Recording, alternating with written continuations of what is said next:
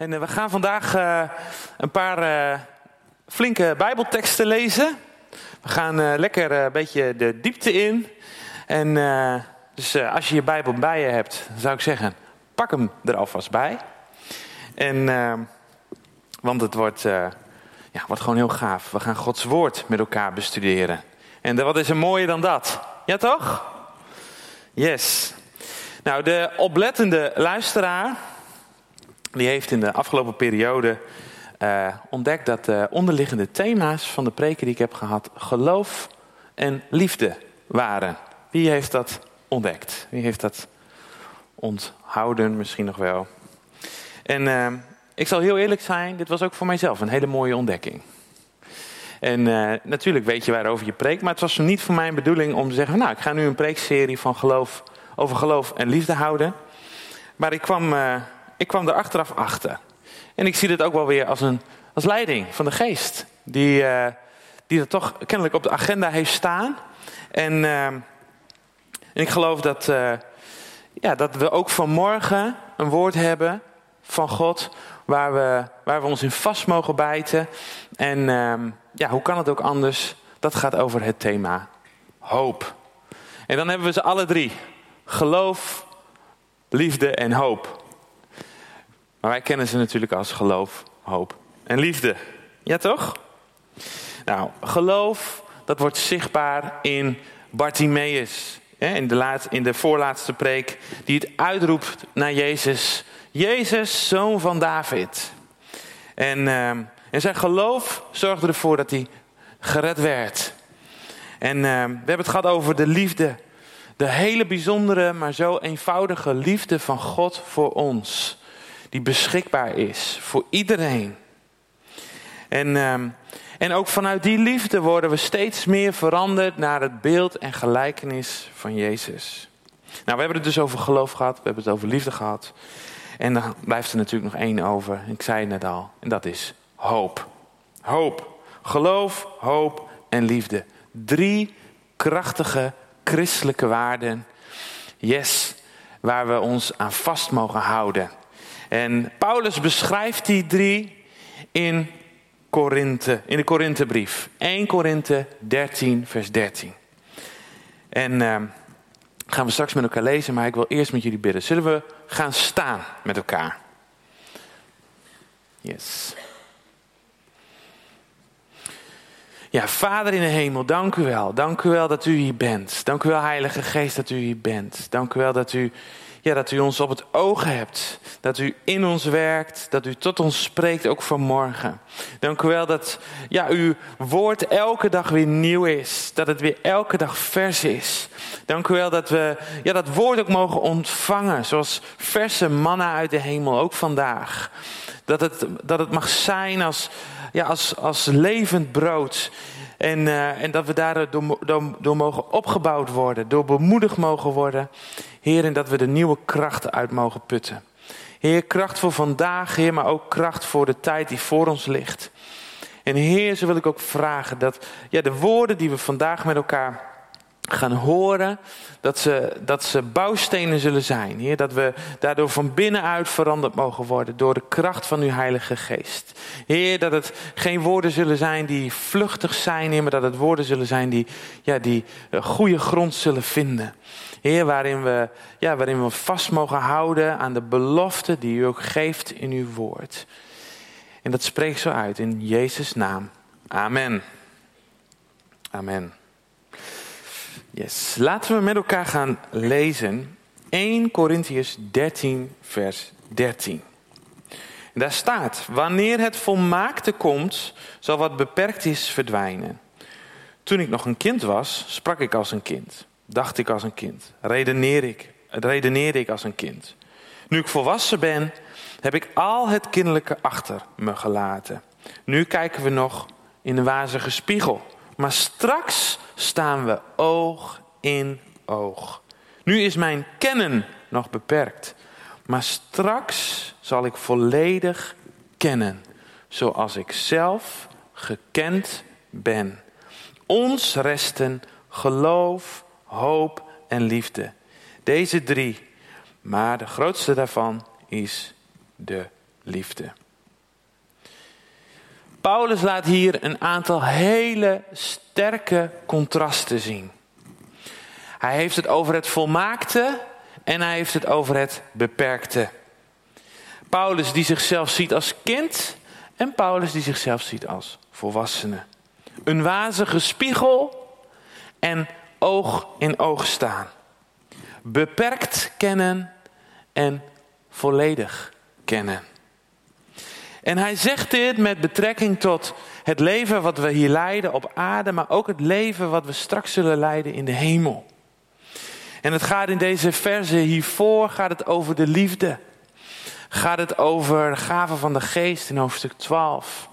En hoe we hiernaar mogen kijken in, uh, in relatie tot het kennen van God. Het kennen van God. Het kennen van de waarheid. Het kennen van alles. En is dat ten diepste niet wat we allemaal het liefste zouden willen? Weten hoe het zit. En hij schrijft hierover, toen ik nog een kind was, redeneerde ik als een kind. En nu ik volwassen ben, heb ik het kinderlijke achter me gelaten. Nu kijken we nog in een wazige spiegel. Maar straks staan we oog in oog. Het is wel duidelijk, we zijn ergens onderweg naartoe. We zijn ergens onderweg naartoe. We zitten in een proces van openbaring. En we ontdekken gaandeweg steeds meer van wie Jezus is. En ons kennen wordt steeds groter naarmate je langer onderweg bent met Jezus. Maar zolang je hier nog op aarde bent, zolang je hier nog op aarde rondloopt, blijf jou kennen, blijf jou profiteren. Dat staat hier ook in dit hoofdstuk. Blijft het beperkt. Ons profiteren, het uitspreken van de woorden van God. De openbaring krijgen van wie God is.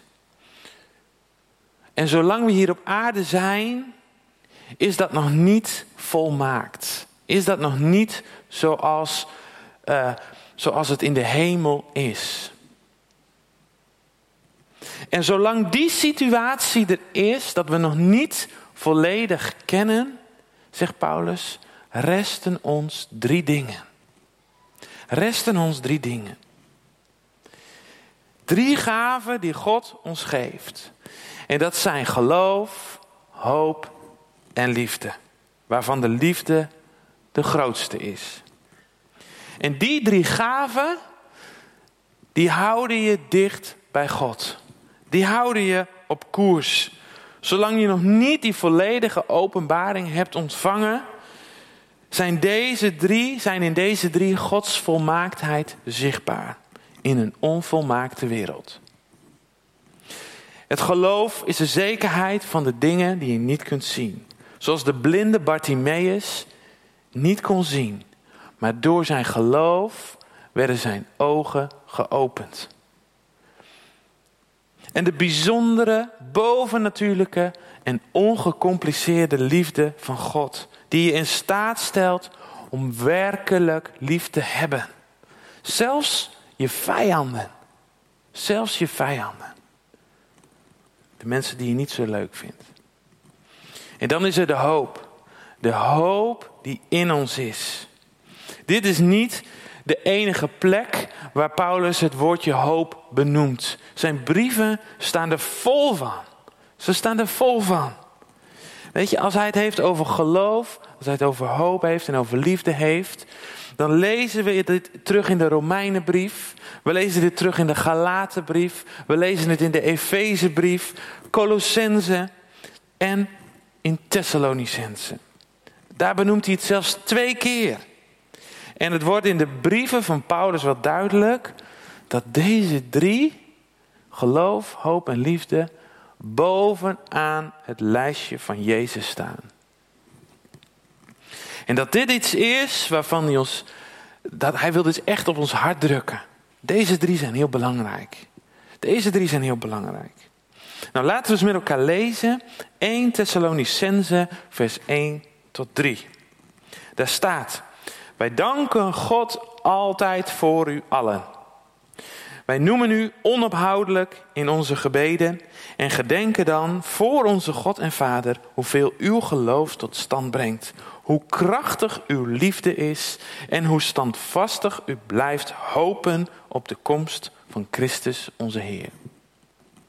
En in 1 Thessalonicense 5, vers 8 staat: Maar laten wij die toebehoren aan de dag op onze hoede zijn, omgord met het harnas van geloof en liefde, getooid met de helm van de hoop op redding. En in deze teksten gaat het net als in de tekst van 1 Korinthe over geloof, hoop en liefde, maar in de context van het leven nu en de wederkomst. De komst van Jezus. Wat als Jezus terugkomt? En het zijn belangrijke waarden als het gaat om het hebben van een hemels perspectief. Om vanuit hemels perspectief te, te kunnen blijven kijken naar je omstandigheden hier op aarde. En de vraag die ik jou vanmorgen wil stellen, die ik jou vanmorgen wil stellen, is: Is er nog hoop op heerlijkheid in jou te vinden? Of heb je de hoop opgegeven? En je denkt misschien, je zegt misschien heel snel: Ja, nee, zeker, ik heb nog hoop, absoluut. En dan is de volgende vraag: Maar waar hoop je dan op?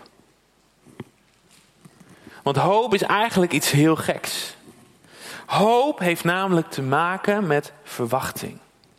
Je verwacht dat er iets gaat gebeuren waar je naar uitkijkt. En het wordt met name zichtbaar als je leven niet helemaal gaat zoals het zou moeten gaan. Of als je leven helemaal niet gaat zoals het zou moeten gaan.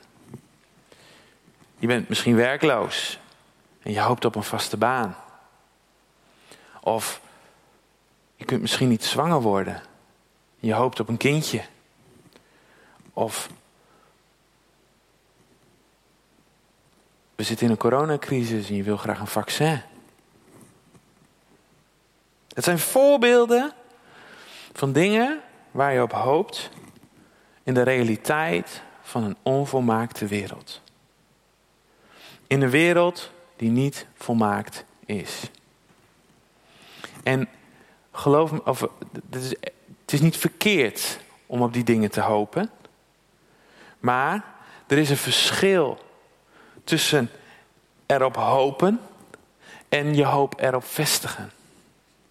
En Paulus legt hier uit dat als je geestelijk volwassen bent, als je geestelijk volwassen bent, dan ken je het verschil, dan ben je je bewust van het onderscheid tussen de dingen waar je in het natuurlijke op kunt hopen en op de bovennatuurlijke hoop die in jou is. En dat zijn twee verschillende dingen. En dan zegt hij hierover, en we hebben het net gelezen met elkaar, toen ik nog een kind was, sprak, dacht en redeneerde ik als een kind. Maar nu ik volwassen ben, heb ik het kinderlijke achter me gelaten. En hij bedoelt hier niet letterlijk, hij bedoelt hier niet letterlijk kind zijn, maar hij bedoelt hier geestelijk kind zijn mee. Dus als je geestelijk onvolwassen bent, dan, weet je, dan is dat waar je op hoopt in het natuurlijke. Maar als je geestelijk volwassen bent, dan weet je dat er meer is dan alleen die wazige spiegel. Dan weet je dat er meer is dan het kinderlijke. En ik herken dat uit mijn eigen leven. Want ik weet nog heel goed dat ik 18 was. En misschien herkent u dit ook wel. Misschien herken jij dit ook wel. Toen ik 18 was, dacht ik: ah, ik weet alles. Je hoeft mij niks meer te vertellen. En ik weet precies hoe de wereld in elkaar steekt, hoe het allemaal zit. En uh, ja, ik was misschien ook wel een beetje eigenwijs. En ik, uh, en ik deed mijn eigen ding en uh, bepaalde zelf wel hoe het ging. En ik weet nog heel goed een moment dat ik 30 was. Dat Dat is ook alweer een tijdje terug. Ja. Maar toen ik 30 was, dat ik zo'n moment dat ik dacht van... Oh, maar ik heb eigenlijk helemaal geen flauw benul van hoe de wereld in elkaar zit. Ik snap eigenlijk de helft nog niet van hoe dingen werken en hoe dingen gaan. Goh, kon ik dat ooit denken toen ik 18 was? Herkennen de mensen dit? Nee? Ja? Ja.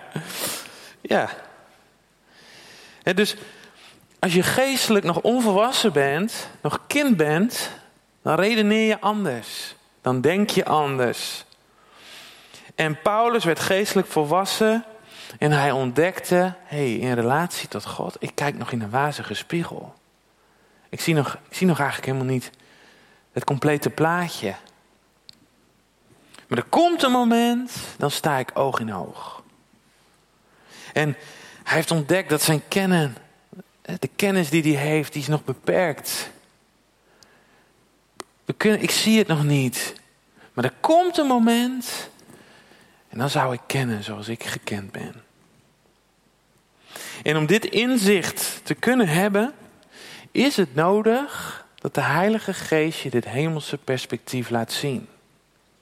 Want, kijk, je weet niet wat je niet weet. Ik heb dat volgens mij wel eens vaker gezegd. Er zijn mensen die, ja, die, kijk, als je niet weet hoe iets moet, dan kun je misschien denken, nou, dat is makkelijk. Ja, als mijn auto stuk gaat, dan denk ik, kan ik soms heel enthousiast zijn en denk, ah, ik repareer hem wel even. Maar ik heb geen flauw idee. Dus je weet niet wat je niet weet. Misschien is het probleem wel heel complex. En om dit inzicht te kunnen hebben van hé, hey, maar ik kijk dus kennelijk in een wazige spiegel, is het dus heel belangrijk dat, je heilig, dat de Heilige Geest je die openbaring geeft. Hier staat het op papier, maar het is belangrijk dat de Heilige Geest je die openbaring geeft van hé, hey, maar dit is zoals de situatie nu is. En straks is de situatie zo, maar nu is die nog zo. En zolang dat perspectief er is, zijn we dus ook beperkt. En in de Hebreeënbrief, Hebreeën 11, wordt gesproken over geloofshelden. Dat zijn mannen van God die, die, uh, die vasthielden aan hun geloof. En daar staat in Hebreeën 11, vers 13. Zij allen zijn in geloof gestorven. Wat hun beloofd was, waar ze op hoopten, zagen ze geen werkelijkheid worden. Ze hebben slechts een glimp ervan begroet. En ze zeiden van zichzelf dat zij op aarde leefden als vreemdelingen en gasten. Door zo te spreken lieten ze blijken op doorreis te zijn naar een vaderland. En daarmee bedoelden ze niet het vaderland waaruit ze weggetrokken waren, anders waren ze daarheen wel teruggekeerd. Nee, ze keken rijkhalzend uit naar een beter vaderland, het hemelse. Daarom schaamt God zich er niet voor hun God genoemd te worden en heeft hij voor hen een stad gereed gemaakt. Ze hoopten allemaal op wat hier op hen op aarde werd beloofd, maar wat ze hier ontvingen van die belofte was slechts een glimp van wat ze in de hemel hebben ontvangen.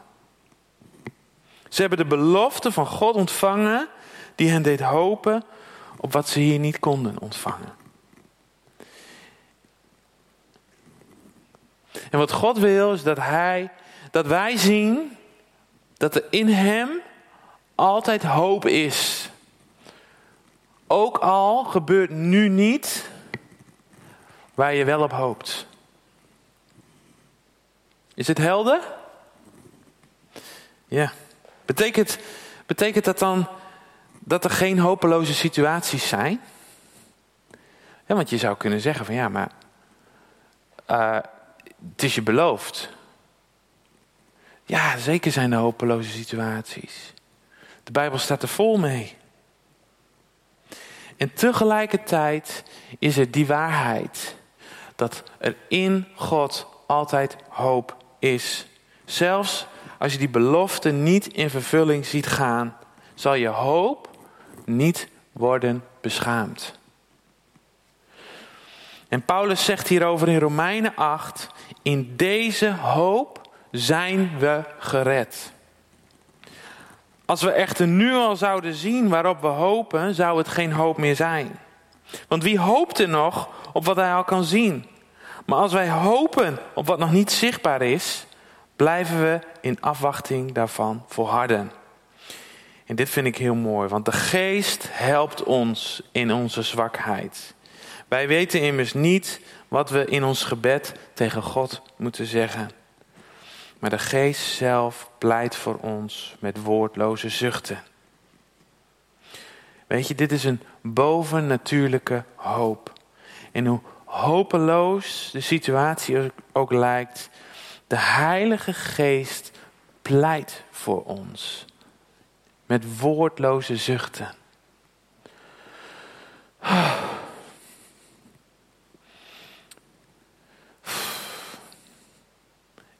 En dat zijn geen zuchten van teleurstelling, dat kan soms ook, hè? Dat je denkt. Maar het, het kunnen ook zuchten zijn van, oh, ik zie dit. Ik zie het lijden. Ik zie de strijd. Ik zie de moeite. Ik zie de strijd die je hebt hier. Ik zie de verlangens die je hebt. Ik zie de verwachtingen die je hebt. De Heilige Geest pleit voor jou. Weet je, en wat is het effect van deze bovennatuurlijke hoop? Deze hoop die leert je om om te gaan met de pijn. Er staat in Romeinen 8, ik ben ervan overtuigd dat het lijden van deze tijd niet in verhouding staat tot de luister die ons de toekomst zal worden geopenbaard. En dan staat er, maar ze heeft hoop gekregen, omdat ook de schepping zelf zal worden bevrijd uit de slavernij van de vergankelijkheid en zal delen in de vrijheid en luister die Gods kinderen geschonken wordt. Hoop leert je omgaan met de pijn.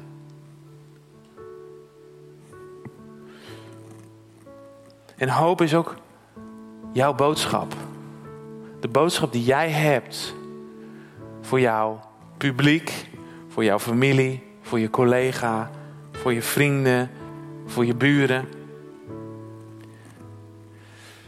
Weet je, als Paulus op een schip zit en dat schip leidt schipbreuk, dan zegt hij op een gegeven moment: Houd dus moed, mannen, want ik stel vertrouwen in God en verwacht dat het zo zal gaan als me gezegd is.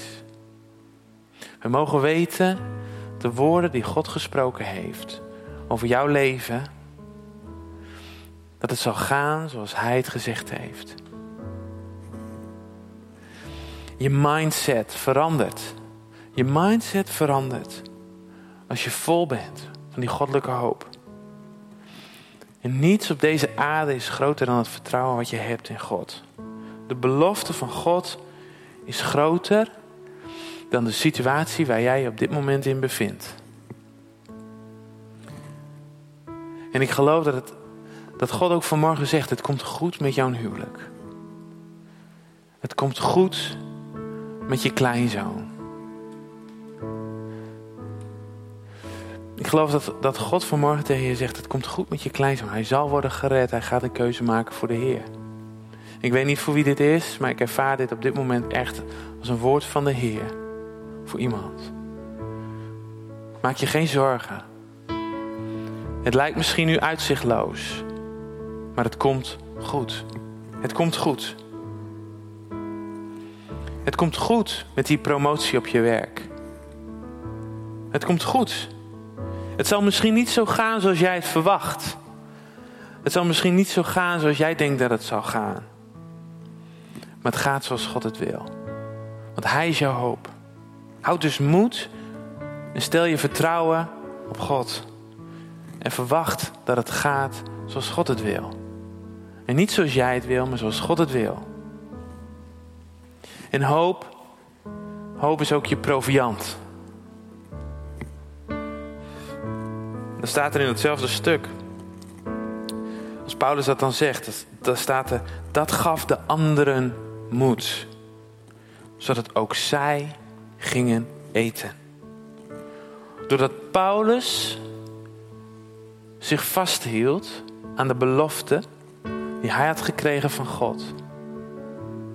Doordat Paulus zich daaraan vasthield, kon hij ook de andere mensen om hem heen, met wie hij in die situatie zat, aanmoedigen en bemoedigen om hetzelfde te doen als hij.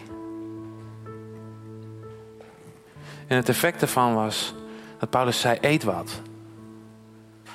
En Paulus begon te eten. En ook die mannen die bij hem waren begonnen te eten.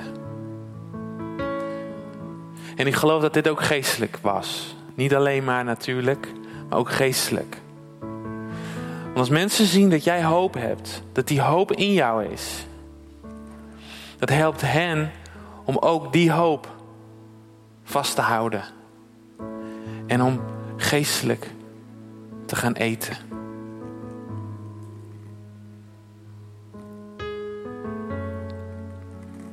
Je houdt je vast aan Jezus. Aan Jezus die het levende brood is. Hij is jouw hoop. En je bent geroepen om te blijven hopen op Jezus. En om deze hoop te brengen naar anderen. Om het verschil te maken in een wereld die eigenlijk alle hoop al lang verloren heeft.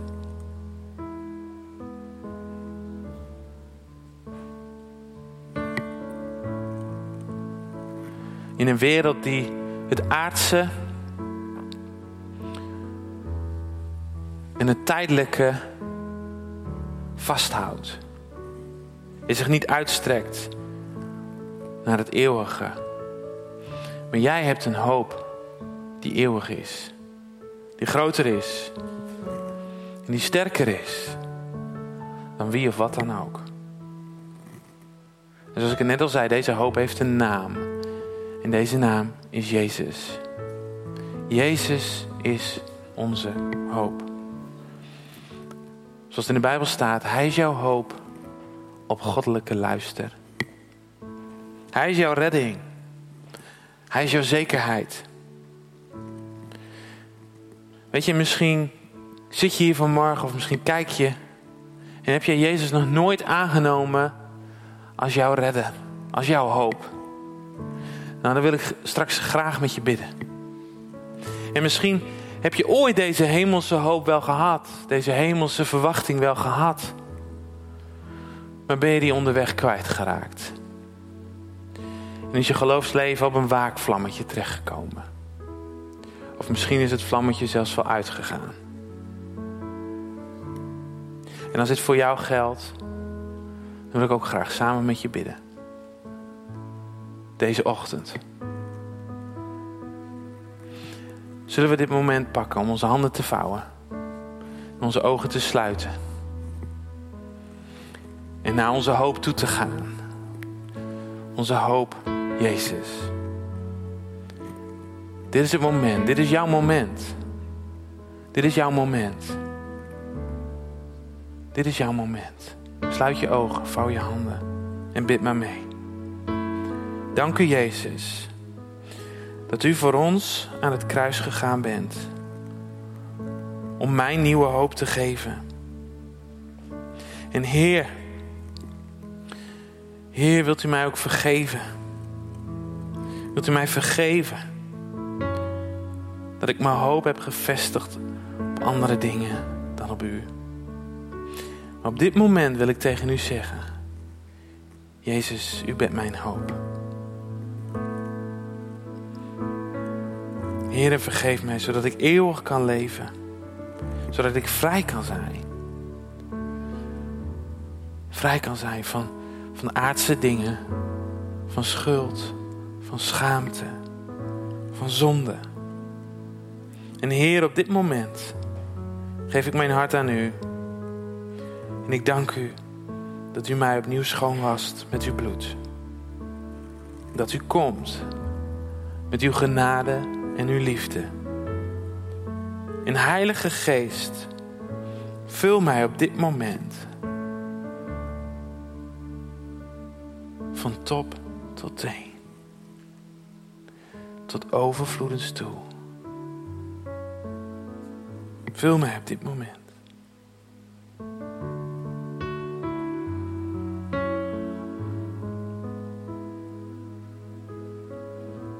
En Heer, vanaf dit moment wandel ik in uw licht.